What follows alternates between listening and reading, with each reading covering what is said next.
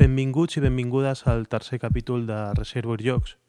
Aquest és un capítol força especial perquè serà el primer en el que no només m'escoltareu a mi, perquè avui tenim la primera entrevista i com és la primera, eh, vull que sigui molt especial i he portat un, un personatge de la cultura lúdica molt, molt interessant, que és el Marc Figueres, Eh, jo no el coneixia personalment, però eh, vam entrar en contacte eh, gràcies a la BGG perquè jo estic administrant una llista de jocs traduïts oficial o extraoficialment al català i de sobte van començar a entrar jocs a la llista i la persona que els estava introduint era Oersted, eh, que és el seu sobrenom a la BGG, el sobrenom de, del Marc i resulta que vaig mirar qui era el traductor de les regles, ja siguin oficials o extraoficials, i moltes vegades era ell mateix. Així que va ser una gran sorpresa que el mateix traductor introduís els, els jocs a la llista. I així vam començar a parlar. Mm, també vaig veure que, que ell era el pare, juntament amb el Maria Pitarque, del joc Patim Patam Patum, de, sobre la Patum de Berga, que es van autoeditar fa uns 4 anys aproximadament amb, amb una empresa que van crear ells que es diu Vexilum i bueno, també la gran sorpresa va ser també que, que vaig descobrir que, que el Marc Figueres té el, té l'honor, per dir-ho d'alguna manera, d'haver estat jurat al darrer concurs de creació de llocs de Granollers i també al darrer concurs de creació de llocs de Boulogne-Billancourt. Així que, que tenim un personatge que es mou molt en el tema relacionat amb els jocs de taula, com podeu veure, i serà força interessant perquè és eh, jugador científic, com més o menys eh, pel seu sobrenom he, he pogut esbrinar, dissenyador de llocs, autoeditor, traductor de regles i ara jurat de, de concursos de creació de llocs. Una joia. Eh, bé, eh, si em deixo alguna cosa, Marc, tu mateix ho, ho pots afegir. Eh, lo de científic eh, és perquè a la Viquipèdia vaig buscar qui era Oersted i em va sortir que era com un físic, una cosa així. Si tu vols explicar una mica qui era aquest Oersted i per què utilitzes, aquest eh, sobrenom a la, a la comunitat de la BGG, pues, eh, ens faràs un favor. Bon dia, Miquel. Moltes gràcies per convidar-me a participar en el teu podcast. Bé, això de Ersted, el meu sobrenom a la BGG, és un, bé, és un dels sobrenoms que utilitzo habitualment a internet des de fa molt de temps. Com, com tu bé dius, el senyor Ersted, aquest tal Hans Christian Ersted, era un científic, de fet un, un dels pares de l'electromagnetisme. Mm, per què utilitzo aquest sobrenom? Bé, simplement perquè és un científic poc conegut i com a nom d'usuari acostuma a estar sempre lliure a les webs on cal donar-se d'alta. Um, bé, seguint amb el tema aquest, has dit que sóc científic, efectivament, però potser més aviat hauríem de dir-ne ex-científic. De fet, sóc físic i vaig treballar com a investigador a la universitat durant 7 anys, però des del 2001 ja no faig, ja no faig res de recerca. Aquell any, el 2001, com he dit, mm, em vaig reconvertir a traductor, que és la meva feina actual. Continuo relacionat amb el món de la ciència perquè em dedico a traduir textos científics, però bé, ja, és, ja és tot una altra cosa i precisament per aquells anys, al voltant de, del 2001, l'any 2000 més o menys, és quan de fet vaig començar a introduir-me en això dels jocs de taula. A diferència de molts de vosaltres, no tinc cap història de jugador de tota la vida. De fet, tot va ser gràcies al Maria Pitarque, que ell sí que és un jugador de tota la vida, que em va introduir en aquest món, en aquest món lúdic. Recordo una de les primeres vegades, una, una mítica sessió lúdica, que devia ser cap al 98 o 99 potser, en què el Marià ens va reunir uns quants amics i amigues per fer una partida ni més ni menys que el Civilization, imagina't. Clar, cap de nosaltres tenia experiència en jocs d'aquesta mena i, i al final vam acabar tirant-nos les fitxes pel cap no? davant de, de la desesperació del pobre Marià. Clar, també pobres de nosaltres, que el més sofisticat que havíem jugat fins, fins en aquell moment era el Monopoly.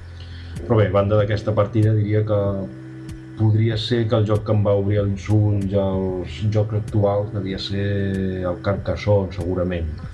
Bé, Marc, eh, si et sembla, eh, a mi m'agradaria estructurar l'entrevista en quatre parts. Eh, parlar de tu com, com a jugador, parlar de tu com a creador amb l'etapa que vas tenir a Vexilum, també parlar de les traduccions que, que tu has portat a, a terme i també sobre aquest interessant paper que fas eh, quan has estat jurat als concursos de creació de llocs.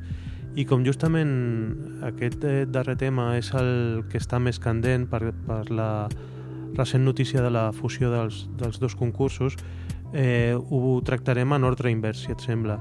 Així que, bé, la pregunta sobre els concursos de creació de llocs és eh, el que voldrà saber molta gent, que com es fa per, per ser jurat a un concurs de creació de, de llocs, qui et crida, no sé, suposo que serà l'Oriol Comas, però si pots eh, descriure tot el procés ens, ens interessarà molt conèixer-lo. Doncs mira, ho has encertat. En aquest cas tot és gràcies a l'Oriol Comas, efectivament. De fet, des de la primera edició del concurs de Granollers, ja fa 5 anys, he ajudat l'Oriol, juntament amb moltes altres persones, evidentment, en les fases prèvies del concurs, de lectura de regles, proves del joc amb els prototips, etc. En fi, tot això. En l'edició d'aquest any, la cinquena, aquest any era la cinquena edició del concurs de Granollers, l'Oriol em va proposar ser membre del jurat, i cosa que, que vaig fer encantat.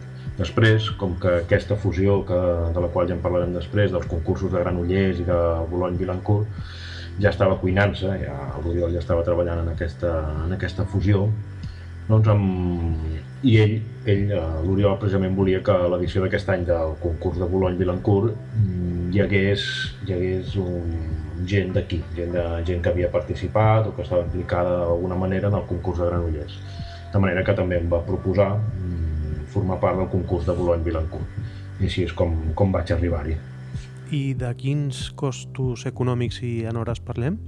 Em preguntes pel temps que implica fer de jurat. Mm, bé, fer de jurat no, no, no implica gaire temps, de fet només els dies que estàs tancat amb la resta del jurat provant els jocs finalistes.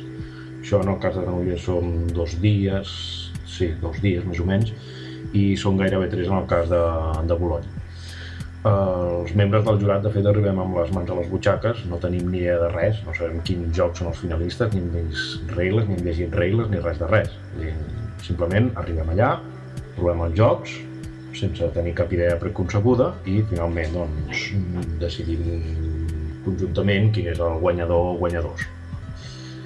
Pel que, fa als, pel que fa als diners, no es cobra, evidentment, però afortunadament tampoc, tampoc es gasta. En principi l'organització ja, ja et cobreix l'allotjament, cobreix els menjars i, i a part d'això, esclar, ser allà provant els jocs finalistes amb set persones més és, és sempre una experiència fantàstica. A Volum Vilancourt guanyen quatre llocs. Eh, D'aquesta edició ens podries explicar algun detallet de cadascun dels quatre guanyadors? Eh, per exemple, hem vist que que al teu blog, al blog de Vexilum, eh, has publicat que un dels guanyadors, el Serial, el serial Colors, eh, o Serial Couleur, no sé com es diu en francès, del Cyril Blondel, que es tracta d'un Olni, eh, objecte lúdic no identificat. Eh, podries eh, explicar als oients què, què és això exactament? Sí, tant. Això. Un Olni, efectivament, això de l'Olni, aquest objecte lúdic no identificat, ja em sembla que és un clàssic al concurs de Boulogne. Per exemple, fa dos anys l'Olni va ser l'actual Sidi Babà, el, el joc del Pere Pau Llistosella, que s'acaba de publicar precisament ara, a l'octubre. Per què Olni? Per què se li diu, se'ls diu Olni a vegades alguns dels jocs que, que guanyen a Boulogne-Billancourt? Doncs simplement perquè es tracta d'una cosa mai vista abans, no? un joc que, que trenca esquemes, que s'escapa de les línies més habituals en la creació de jocs fer un joc d'aquesta mena sempre és arriscat, no? per part de l'autor.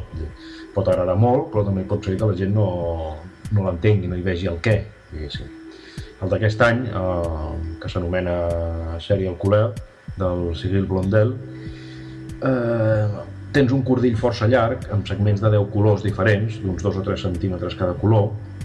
D'altra banda tens un tauler quadrat de 6 x 6, on a cada partida es col·locaran a l'atzar quatre pilonets numerats de l'1 al 4 en les interseccions d'aquesta graella de 6x6. Després, al començar el joc, es té el cordill, que el tens fet un garbuix a un costat del tauler, i cada jugador té 10 cartes amb cada un dels 10 colors que apareixen en el cordill. D'aquestes 10 cartes se'n llencen 5 a l'atzar, i l'objectiu és determinar, amb la millor aproximació possible, quin color del cordill anirà a parar a cada un dels 4 pilonets que hem posat sobre el tauler quan al final col·loquem el cordill sobre aquests pilonets.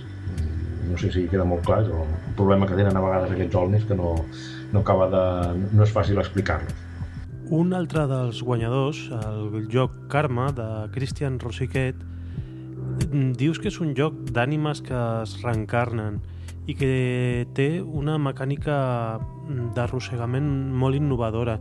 Eh, en què tracta? I també un tema així eh, està enganxat o realment t'hi veus com una ànima reencarnada? A veure, això del tema... Bueno, ja sabem que als Eurogames el tema sempre està més o menys enganxat i es pot canviar sense modificar els mecanismes. Si ho preguntes a l'autor del Karma, et dirà que no, que el tema és intocable i que, i que no permetrà que, que li modifiquin res. Però bé, això ja ho veurem. No? De què va aquest, aquest joc, aquest Karma? Doncs bé, en aquest joc cada jugador va progressant per diferents pistes d'un tauler que representen diferents àmbits de coneixement. El mecanisme per anar augmentant el coneixement a cada pista està gestionat per daus, d'una forma força original, és una nova mecànica amb, amb aquesta tendència recent, aquesta tendència tan actual d'utilitzar els daus per a diversos propòsits, com fan per exemple el joc Trois o el joc Alien Frontiers, etc. Però aquest mecanisme aquest mecanisme de gestió de daus no només determina com vas avançant en els diferents àmbits de coneixement, sinó que també determina si et moriràs o no et moriràs en aquest torn. Com més coneixement tens, representa que ets més vell i és més fàcil morir-te. Si et mors, la teva puntuació en cada àmbit de coneixement queda fixada, però llavors et reencarnes en una altra persona i podràs tornar a aprendre coses, potser fins i tot millorant allò a què gairebé no t'hi vas dedicar en una vida anterior. Ara bé, el, el coneixement, aquest progrés en els diferents àmbits de coneixement, eh, és força punyetero, perquè si vas per davant d'un altre jugador, quan tu augmentes de coneixement, també ho faran els que van darrere teu, els arrossegues, com si digués, no? i en la mateixa quantitat. D'aquesta manera cal anar molt de compte eh, per veure en quin àmbit de coneixement vols avançar, perquè has de valorar molt bé a qui arrossegues i a qui no arrossegues.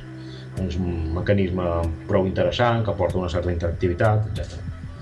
Si això hi afegim un, un pèl d'atzar i possibles objectius secrets, ja en tenim un joc molt rodó, que és una de les coses que vam, que vam valorar en el, en el concurs. No? Uns, mecanismes, uns mecanismes innovadors, uns mecanismes ben trobats i, en definitiva, un joc molt rodó.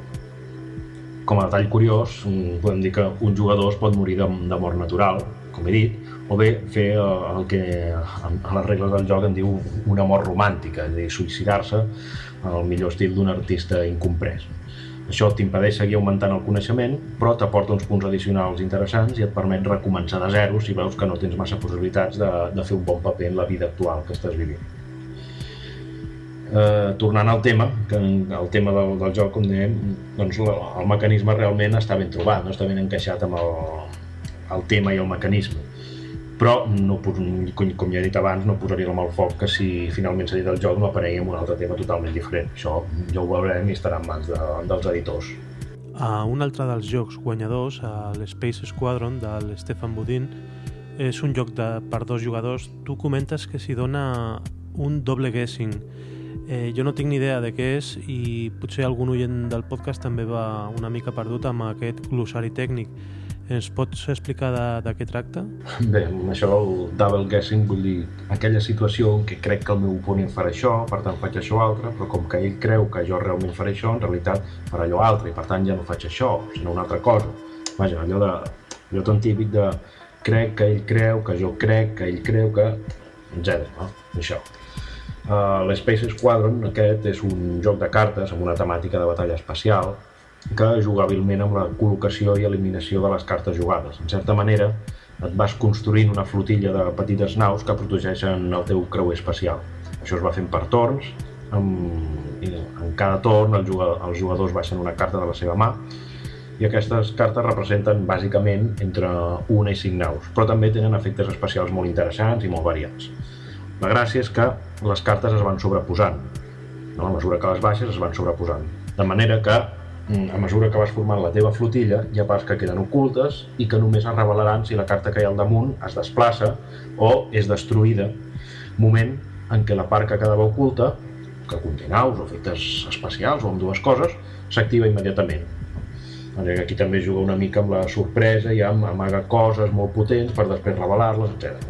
Finalment, quan, tot, quan tots dos jugadors passen, suposen que ja se suposa que ja, ja, ja tenen prou amb la flotilla de naus que que que han desplegat davant del creuer espacial, o simplement es volen guardar cartes per més endavant. Llavors es produeix una batalla i veus com es van eliminant cartes, com es van produint els efectes i és el moment en què les naus ocultes poden donar més una sorpresa a un jugador massa confiat.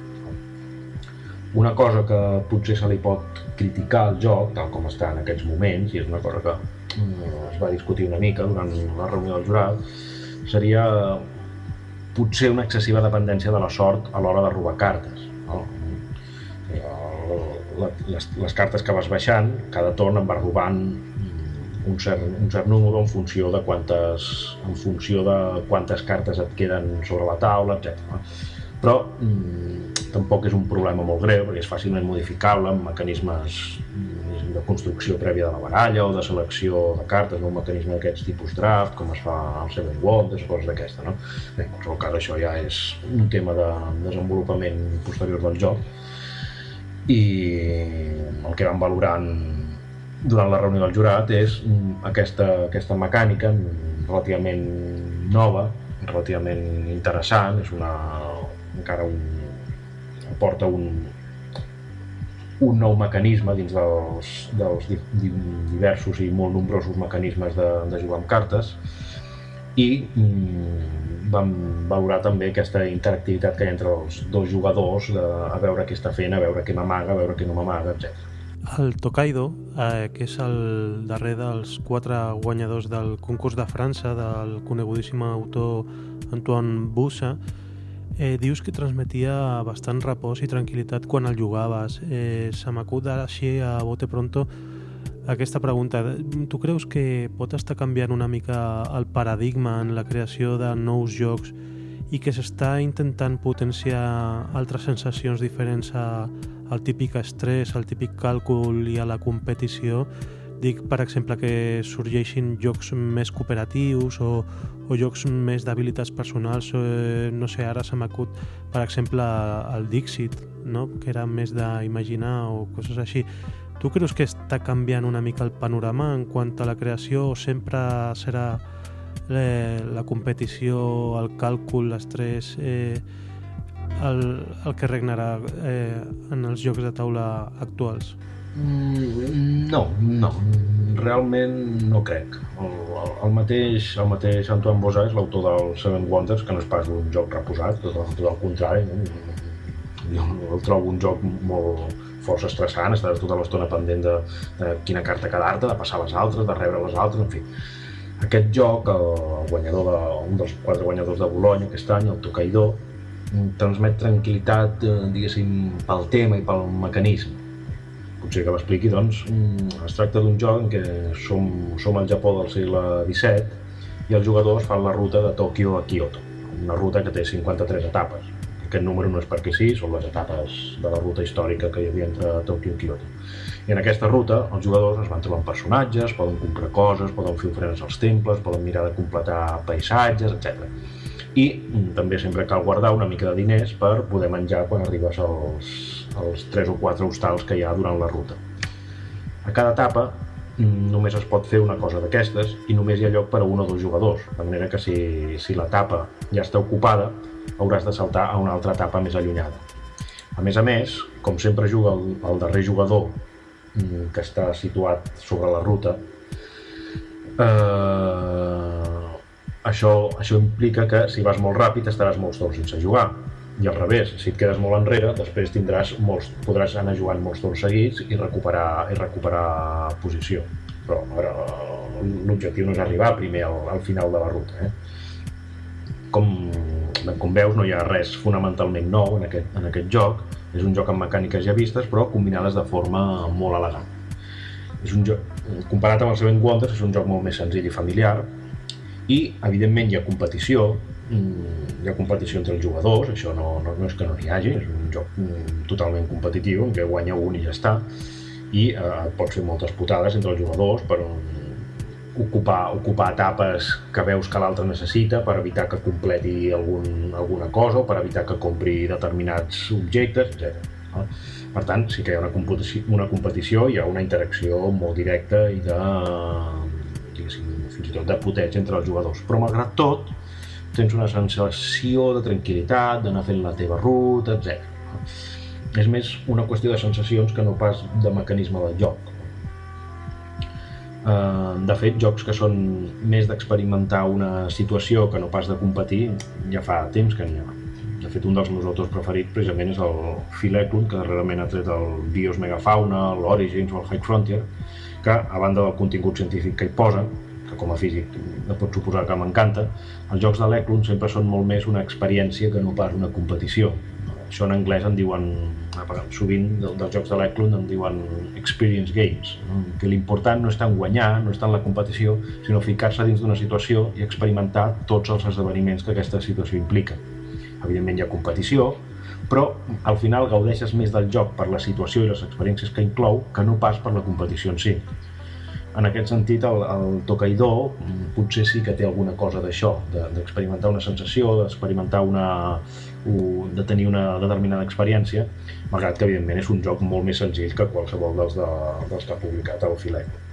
Mm, aquests quatre jocs eh, que van sortir guanyadors del concurs, creus que tenen possibilitats d'arribar a ser publicats? I després, a nivell personal, vas provar alguna creació que no va resultar guanyadora però que creguis que, que podria tenir mercat o que creguis que, que val molt la pena d'explicar? Buf, això és difícil de dir. De vegades creus que un joc té poques possibilitats de ser publicat i després resulta que és el primer a sortir al mercat. Home, mm, així a primera vista, potser el més difícil podria ser el Serial Killer. Els, els Olnis ja, ja ho tenen, això cal que caigui a les mans d'un editor prou atrevit i que li sàpiga treure tot el suc que porta dins. No? D'altra banda, mmm, sí que pel que fa al Tokaido, crec que, crec que l'Antoine Bosart ja té un acord amb alguna editorial, no sé en quin. Mm, de fet, tots els finalistes podrien ser publicats, qualsevol d'ells té prou qualitat per ser als prestatges de les botigues de jocs. Mm, recorda que el criteri fonamental a Bologna, o a Granollers, d'altra banda també, és l'originalitat. És un concurs de creació lúdica, no de possibilitats de comercialització això hi ha jocs premiats que no arriben a publicar-se mai. Ja sabem que no tenen per què coincidir els criteris d'originalitat amb els criteris comercials. Això és una cosa que ja, ja ho tenim ben clar. Bé, arribem a la gran pregunta. Granollers i Boulogne s'han fusionat i han donat a llum aquest nou concurs que es dirà Europa Ludi i a la xarxa ja s'està dient de tot eh, i en molts sentits diferents, si és positiu, si és negatiu, eh, que millora, que empitjora el panorama dels creadors. Tu, respecte a aquesta fusió i conversió, què, què opines? Eh, creus que és negatiu, creus que és positiu? I també et pregunto si arrel d'aquesta fusió mm, et sembla que sortiran més concursos de creació de llocs? Sí, ja he vist i llegit opinions diverses no, sobre aquest tema. Bé, era, era evident no, que hi hauria polèmica, això estava cantat. A veure, Aquí s'han reunit una sèrie de circumstàncies que han afavorit aquesta fusió. D'una banda tenim Granollers, un concurs que en només 5 anys ha adquirit un nom internacional molt destacable. Pensa que l'edició anterior, la quarta, es van presentar 185 jocs i en aquesta darrera edició, aquest any, 161. Això, això és una borrada, això és, un, és moltíssim. I, tinc, I sobretot aquest darrer any ha tingut molt impacte internacional amb molts jocs provinents fora, de fora de l'estat espanyol d'alguna manera Granollers estava creixent més ràpidament del que podia assumir per fer un concurs amb les condicions necessàries de rigor. Pensa, pensa, pensa en el que representa haver de llegir 180 regles de jocs en, en dos dies en, i en quatre idiomes diferents per seleccionar-ne 60, després provar 60 prototips diferents de jocs molt diferents, provar-los a fons, amb grups diferents de persones, amb totes les partides possibles per, per, per valorar-los bé, eh, si admeten diversos nombres, números de jugadors, doncs provar-los amb dos, amb tres, amb quatre, eh, i finalment, després de tot això, seleccionar 10 finalistes, això és una feinada enorme. No? D'altra banda, tenim, tenim el concurs de Boulogne-Billancourt, el gran concurs de creació de jocs, amb 30 anys d'història i amb un prestigi enorme, el problema és que Boulogne, Boulogne li era difícil ja créixer més del que, del que ja era. El concurs l'organitza el Centre Nacional del Joc de Boulogne, que mm, ja difícilment podia fer créixer més aquest concurs, ni, ni, ni en l'àmbit organitzatiu ni en l'àmbit econòmic. D'aquesta manera, la fusió de Boulogne i Granollers, de fet, afavoreix a tots dos. que hi haurà un concurs menys, evident, no? però és això un problema? No ho crec, no crec que sigui un problema especialment. Podran sorgir de nous, de, de, de concursos d'un àmbit més, més local o més, més restringit. Ara el nou concurs Europa Lúdic podrà fer totes les fases prèvies, aquestes de lectura de regles, proves amb els prototips, etc, amb molta més tranquil·litat i sobretot amb molt més rigor i amb opinions més contrastades. Pensa que tant la lectura de regles com les proves amb prototips es faran sempre tant a Granollers com a Bolony i per tant amb el doble de gent o, o més i tot. Això només pot afavorir la, la selecció final i donar una garantia, de, una garantia de rigor i de professionalitat encara més gran al concurs. I com a conseqüència, això també afavorirà que els editors estiguin molt més pendents del resultat d'aquest concurs. Si això no és una cosa positiva, tu... Mm... I a Europa Ludi quina presència tindrà el català? Vull dir, podrem seguir enviant regles en llengua catalana? I, tant. L'Oriol Comas ja s'ha preocupat que el català sigui una de les llengües, diguem-ne, oficials d'aquest nou concurs.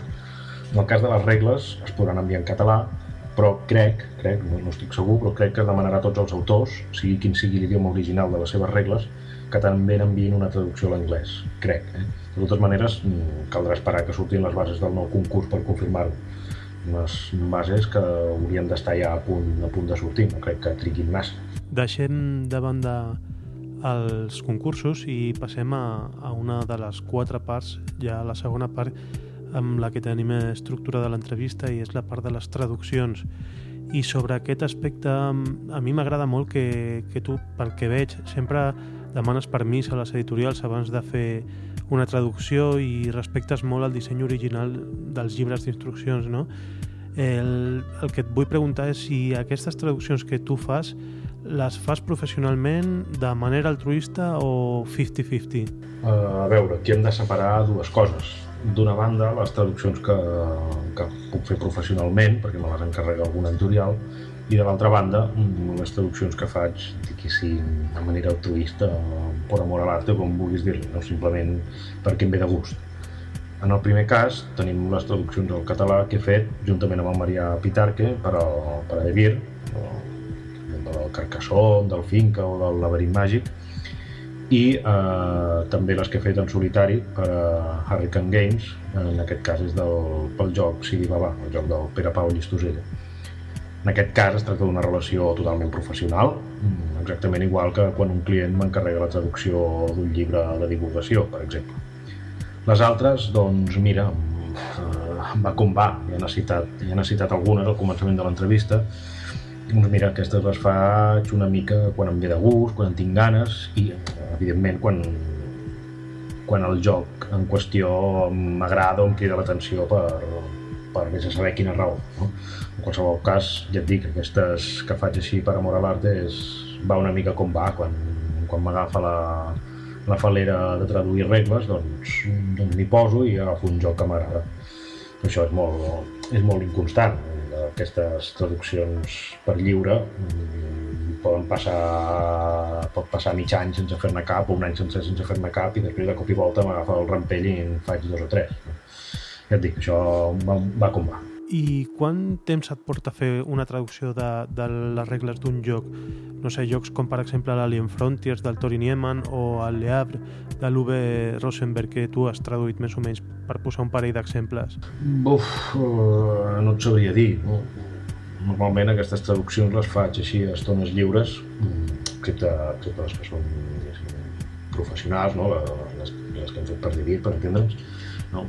De manera que és una mica difícil calcular-ho més, els dos exemples que m'has posat també són molt diferents. No? L'Alien Frontier són unes regles relativament curtes, les del Leabre són, són regles llarguetes, no? amb moltíssims elements de text moltes explicacions. Eh?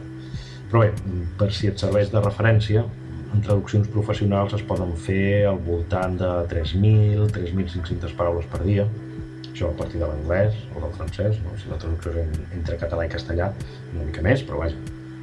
I un reglament més o menys llarg, com el del Toilet Struggle, té unes 30.000 paraules, mentre que el del Carcassonne sembla que no arriba ni a 3.000. Per tant, ja ho veus, no? si t'hi dediques, si dediques al 100%, durant un dia al 100%, no? jornada completa, diguéssim, pots estar entre un dia per al Carcassonne i 10 dies o més per al Toilet Estrà.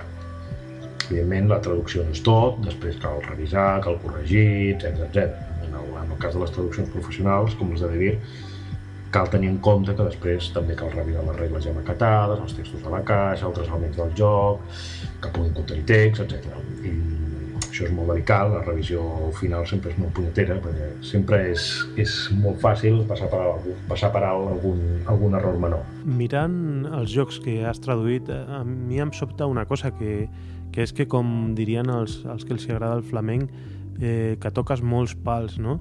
Eh, hi ha jocs de cartes, hi ha jocs autoeditats com l'Estrain de Laura Tobias, wargames de tamany postal, Eurogames, híbrids entre Eurogames i Ameritrash, com l'Alien Frontiers, familiars... És un petit catàleg, però super divers. Suposo que hi ha algun d'aquests jocs que per alguna estranya raó et va motivar més que d'altres a fer la traducció. Vols comentar algun? A veure, deixant de banda les traduccions professionals, que llavors és directament allò que m'encarrega l'editorial, les que faig per gust, en el fons, representen una mica els meus gustos lúdics, no? lúdicament parlant soc diríem força omnívor jugo tant a wargames de 20 hores com a petits jocs de cartes de 10 minuts tant a jocs americans de tipus Ameritrash com a Eurogames més clàssics no? Vaja, un, una mica de tot, no? sense manies algunes traduccions que em, que agradar que que em van agradar especialment de fer són, per exemple, el, el, el Gin Pool, un petit joc de cartes de temàtica vagament científica, el Crusader Rex, que van ser les primeres regles d'un wargame que vaig traduir. Després el, m'agrada molt també el Royal Palace, un joc del belga Xavier George, que a mi m'agrada molt i que quan va sortir pensava que tindria molt d'èxit i tothom en parlaria, però que malauradament, jo crec, se n'ha parlat molt poc i no, no ha tingut gaire èxit. Tot i que després els seus jocs Carson City o Trois han rebut, han rebut en canvi molts elogis. No? Darrerament també m'ho he passat molt bé traduint l'Alien Frontiers, que tot ell és una mena d'homenatge a les velles pel·lícules de ciència-ficció de sèrie B dels anys 60.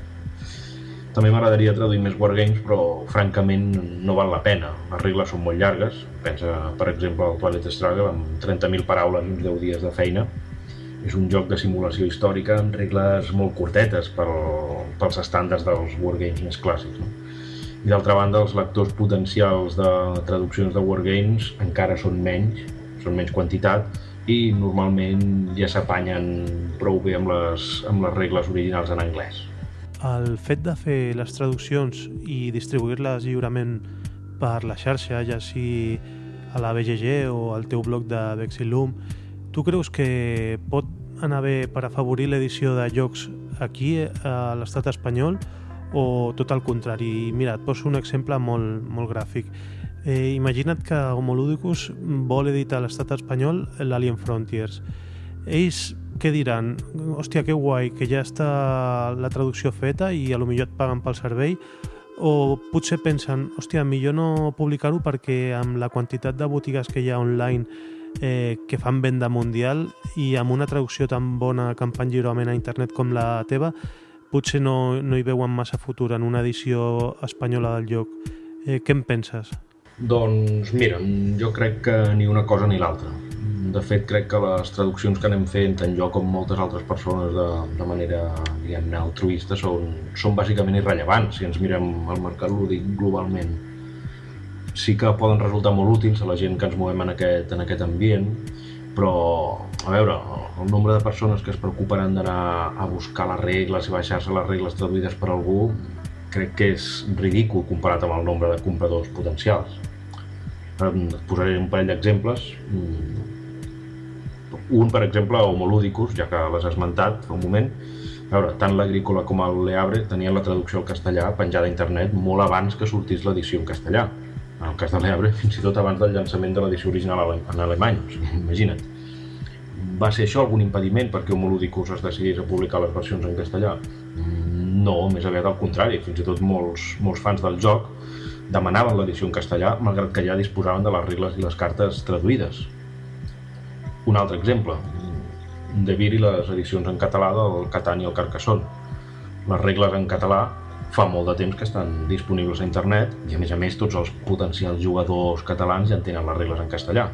Però De Vir ha publicat aquests dos jocs en edició catalana i de fet estan sent un gran èxit. dir, en definitiva, hi ha moltíssima gent que si veu en joc en el seu idioma el comprarà, i si no, no. Hi hagi traducció a internet o no. És dir, els que ens preocupem d'anar a internet a buscar regles, a buscar, a buscar variants, a buscar les preguntes i, i respostes més freqüents, tot això, en el fons som, som una minoria. A vegades tinc la sensació que la comunitat lúdica que es mou al voltant de la BSK o la BGG es creu una mica el malic del món i una mica la representació del mercat lúdic. I això crec que està molt lluny de, de la veritat. No? Hi ha moltíssims jugadors, moltíssims grups de jugadors que són totalment aliens a BSKs, a BGGs i a fòrums diversos d'internet. Mm, com he dit, els que mirem cada dia les novetats i els comentaris a, internet i estem al tanto de tot el que es fa i es desfà, mm, som una minoria. Una minoria, si vols, prou sorollosa, però mm, prou sorollosa de cara a les editorials, però minoria al capdavall. Doncs jo no, no m'havia pensat les coses com, tal com tu les dius, però realment sí que et dono la raó perquè sí que, sí que potser a vegades aquestes comunitats, la BGG, la BSK, sí que poden veure's en si mateixes com molt més representatives de, del que sí que realment poden ser, perquè ara mateix el panorama lúdic s'està obrint i sí que penso que hi ha grups de jugadors molt, molt diversos. En això tens tota la raó, Marc. Eh, D'altra banda, sobre les traduccions, eh, també m'agradaria preguntar-te si ara mateix estàs ficat en algun nou projecte en quant a traducció de reglaments, ja sigui professional o paraprofessional.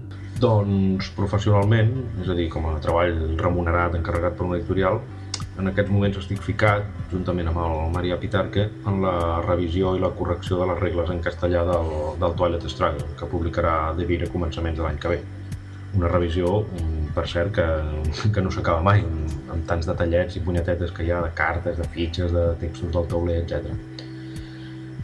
I ja, ja que ha sortit del Twilight Struggle, ja torna a ser un exemple del que deies, del que dèiem abans, de, les, de, les de si les traduccions que es fan eh, per amor a l'arte afavoreixen o perjudiquen la posterior edició. Les regles del Twilight Struggle en castellà fa molts anys que estan disponibles, la, les, les cartes mm, traduïdes i maquetades en castellà també estan disponibles a internet des de fa molts anys i en canvi mm, De Vir ha apostat fort per, per, tradu per fer una edició en castellà del Twilight Struggle.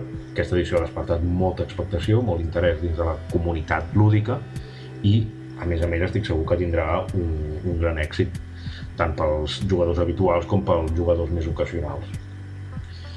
Bé, seguint amb el tema dels projectes futurs de les regles, també és possible que d'aquí a poc hi hagi més novetats, edicions de jocs en català.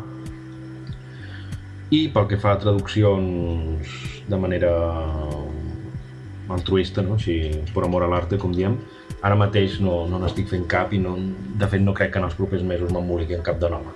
Canviem de carpeta, per dir-ho d'alguna manera, i passem a parlar de Vexilum, perquè, clar, eh, molta gent a lo millor ara t'està escoltant i pensa, hòstia, traductor de llocs, també membre del jurat de, dels concursos de creació de llocs, igual pot ser interessant investigar què té aquest home al mercat que sigui una creació pròpia o, bueno, pròpia o, o juntament amb el Maria Pitarque. I per això parlarem també de Vexilum eh, sobre el Patim Patam Patum per exemple eh, bueno, és un joc que, que us vau autoeditar l'any 2007. Quantes còpies vau fer i també encara es pot aconseguir per la gent que millor estigui interessada en veure una creació teva? Doncs sí, encara, encara es pot aconseguir, tot i que ja es troba a pocs llocs. Vam fer 1.500 còpies i de fet estem força contents perquè a hores d'ara en deuen quedar només unes 300 cosa que vol dir que n'hem venut, hem col·locat unes, unes 1.200 unitats aproximadament. Això creiem que és un resultat molt bo. Per la gent que pugui estar interessada en, per exemple, autoeditar-se, eh, muntar una microeditorial com va ser Vexilum mm, va ser molt complicat i després també es pot quantificar més o menys en diners què costa muntar un projecte com aquest i també ara, mm, cinc anys després, eh, creus que va valer la pena? Uh, a veure, depèn del que vulguis fer realment nosaltres vam decidir crear l'empresa Vexilum, que és simplement una societat civil particular, és a dir, la unió de dos o més treballadors autònoms, per facilitar una mica les tasques de fabricació i venda del joc i compartir fàcilment les despeses i els guanys entre, entre els dos membres. En cap moment, en cap moment ens van plantejar que aquesta empresa es convertís en, en alguna cosa més gran.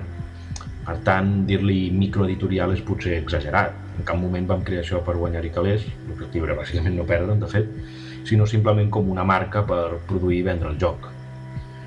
Complicat no ho és gaire, cal fer una mica de paperassa i sobretot després informar-se bé de quins documents cal presentar a Hisenda, cada tres mesos, cada any, cosa que no és en absolut evident i al final sempre et quedes amb la sensació de que et deus estar deixant alguna cosa. Evidentment parlo del nostre cas, en què es tracta d'una societat civil. Eh, si estiguéssim parlant d'una societat limitada, d'una societat anònima, això ja és més complex. A veure, tema diners, mm, suposo que vols dir quan costa muntar l'empresa Bé, en, el nostre cas res, perquè no hi ha cap infraestructura al darrere, ja, com, com ja he dit, no? som simplement el Maria i jo i prou. I d'altra banda, donar d'alta a una societat civil gairebé no costa res. Per això, ja et dic, és, un, és una mica especial perquè mm, ja, ja he dit que Vixirum la vam crear mm, simplement com una marca, un, un un punt de, un punt d'unió entre, entre el Maria i jo per produir i vendre aquest joc, sense intenció de que això anés més enllà. Val la pena? Home, diria que sí. Ho tornaríem a fer? Doncs home, diria que segurament no. A veure, a veure si m'explico. Has de pensar que, com he dit, torno a repetir, en cap cas ens van plantejar que això de Vexilum fos res més que l'instrument per produir i vendre el nostre joc. Per tant, Vexilum comença i acaba aquí. Jo estic molt satisfet d'haver fet nosaltres mateixos tots els passos de l'elaboració d'un joc. La creació, el desenvolupament, la contractació d'un il·lustrador, el Jaume Carbonell, d'un dissenyador gràfic, el Jordi Roca, després la cerca de pressupostos per a la impressió del joc, cosa que finalment vam fer amb l'empresa alemanya Ludofact, de la qual estem molt contents, després l'enviament i la recepció del, dels jocs i finalment la, la distribució i la venda. Fent tot això nosaltres mateixos, realment ens hem ficat dins del món lúdic i l'hem vist des d'una perspectiva nova Ara, ganes de repetir-ho? No gaires, la veritat és que no gaires. Però no perquè no ens hagi agradat fer-ho, sinó perquè la feinada és considerable.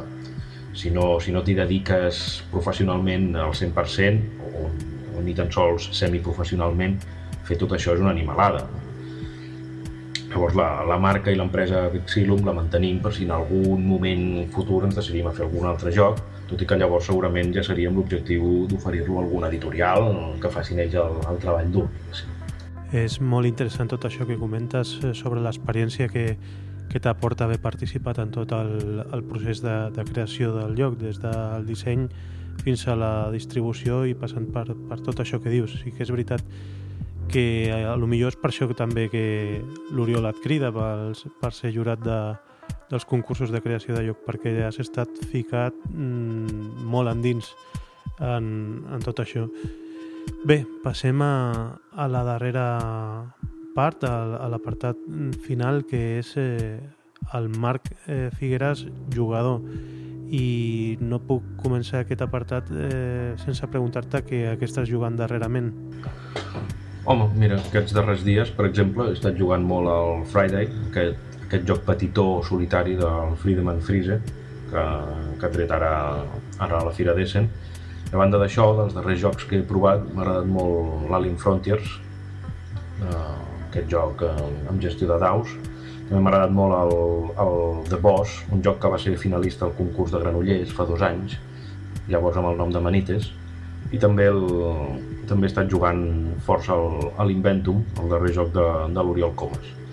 D'altra banda, cada dues o tres setmanes, si la feina eh, m'ho permet, acostumo a quedar amb el, amb el Jordi Ciprés, de la botiga Jugar per Jugar, de Barcelona, per fer algun, alguna partida d'algun wargame no massa llarg. I esclar, potser també cal comptar aquí les partides amb el, amb el meu fill de 4 anys, que ara comença a jugar als petits jocs de, de l'editorial Lava, aquests jocs petitons tan interessants pels, pels més petits, em sembla que darrerament he fet més d'aquestes partides que no pas de qualsevol Eurogame o Wargame.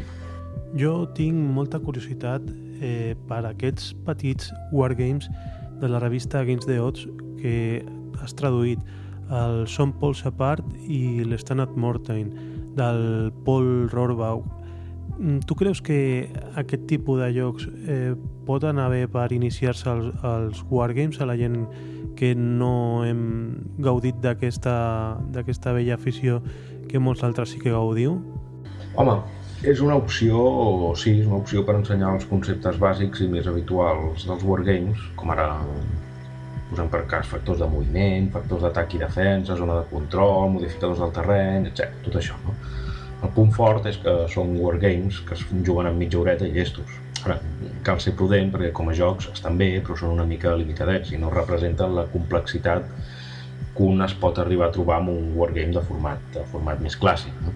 Cal prendre'ls com una mena de divertimento per aprendre les idees fonamentals i després passar a jocs més complets. D'aquests wargames de mida postal també et recomano, podria recomanar el The Toast of the Town, també del Paul Rohrbaugh, sobre la, una simulació molt senzilleta de la revolta de la, de la reina búdica de, a, la, a la Britània romana. I també especialment recomanar el, el 800 Heroes d'en Wei Chen Chen que aviat serà reeditat per la revista Battles Magazine i que crec que és un joc com a joc de mida postal és un dels que, dels que dona més joc precisament. Aquest últim joc que comentes, el, el del Wei Chen Chen, eh, he vist que també al teu blog deies coses curioses sobre una nova fornada de, de jocs així de, de guerra que, que provenen de l'Àsia i que no es tenien en compte aquí a Occident però que estan suposant una, un aire fresc al, al panorama, no?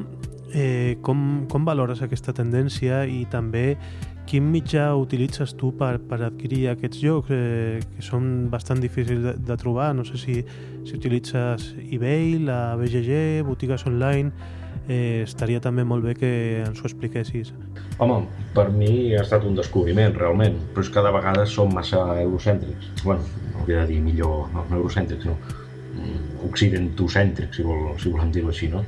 Durant molts anys el patrimoni dels Wargames ha estat bàsicament nord-americà, una petita contribució europea, potser, però el que és important és que, sense gairebé donar-nos, resulta que al Japó, per exemple, hi ha des de fa molts anys una, una rica tradició de Wargames, que tot just ara descobrim per aquí. I això en bona part gràcies a iniciatives de reeditar molts jocs d'autors japonesos en versió anglesa. L'exemple més clar potser és l'editorial Multiman Publishing, amb la seva línia IGS, International Gaming Series, en què es, es reediten molts autors japonesos, precisament, i permet que jocs abans potser molt limitats geogràficament al, al, al món japonès doncs puguin, puguin arribar a, tot el, a tota la comunitat lúdica nord-americana i europea.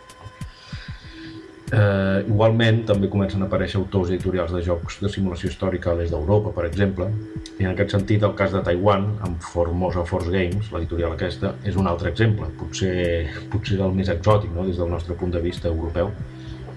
Aquesta editorial, amb, el, amb aquest noi, el Wei Cheng Cheng, al capdavant, publica una revista trimestral amb jocs encartats i té previst començar a publicar jocs de format gran, en caixa. Són wargames de factura més o menys clàssica, però mm, que bueno, tenen algunes idees, alguns girs interessants que els donen un aire freds. I de fet han començat a fer una mica de forat entre, entre alguns aficionats. I tant és així que l'excel·lent revista Battles Magazine, una revista més o menys trimestral, publicada per l'Olivier Reveny, ha arribat a un acord per reeditar alguns dels seus jocs, com he, comentat, com he comentat a la, a la, pregunta, a la pregunta que m'has fet abans. Mm, malauradament aquests jocs no són fàcils d'aconseguir. En el meu cas vaig contactar directament amb l'autor a través de la BGG i em va enviar els jocs que li vaig demanar i ja està. Ara, mm, bé, amb, amb les reedicions que em farà Battles Magazine serà, serà, evidentment serà molt més fàcil d'aconseguir-los, clar.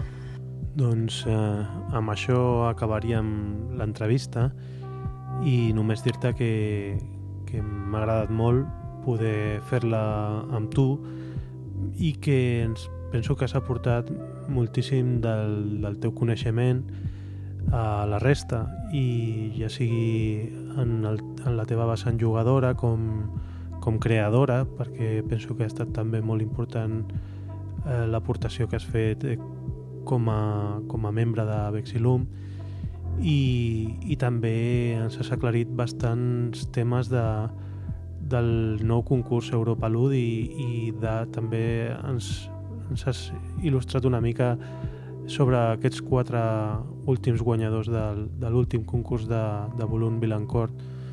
Eh, només dir-te que gràcies perquè ha estat un plaer poder treballar amb tu, perquè has, ha estat un treball, perquè hem hagut d'utilitzar tecnologia al núvol per, per poder fer aquesta entrevista. No ha estat en directe, com segurament haureu notat, però, però la veritat és que la sensació ha estat molt bona i, i com a primera experiència d'entrevista en el podcast no presencial penso que, que pot funcionar i, i no descarto fer altres així encara que també m'agradaria fer algun altre en viu si, si el temps i la disponibilitat de, de totes les persones implicades pues, sempre ho fa possible.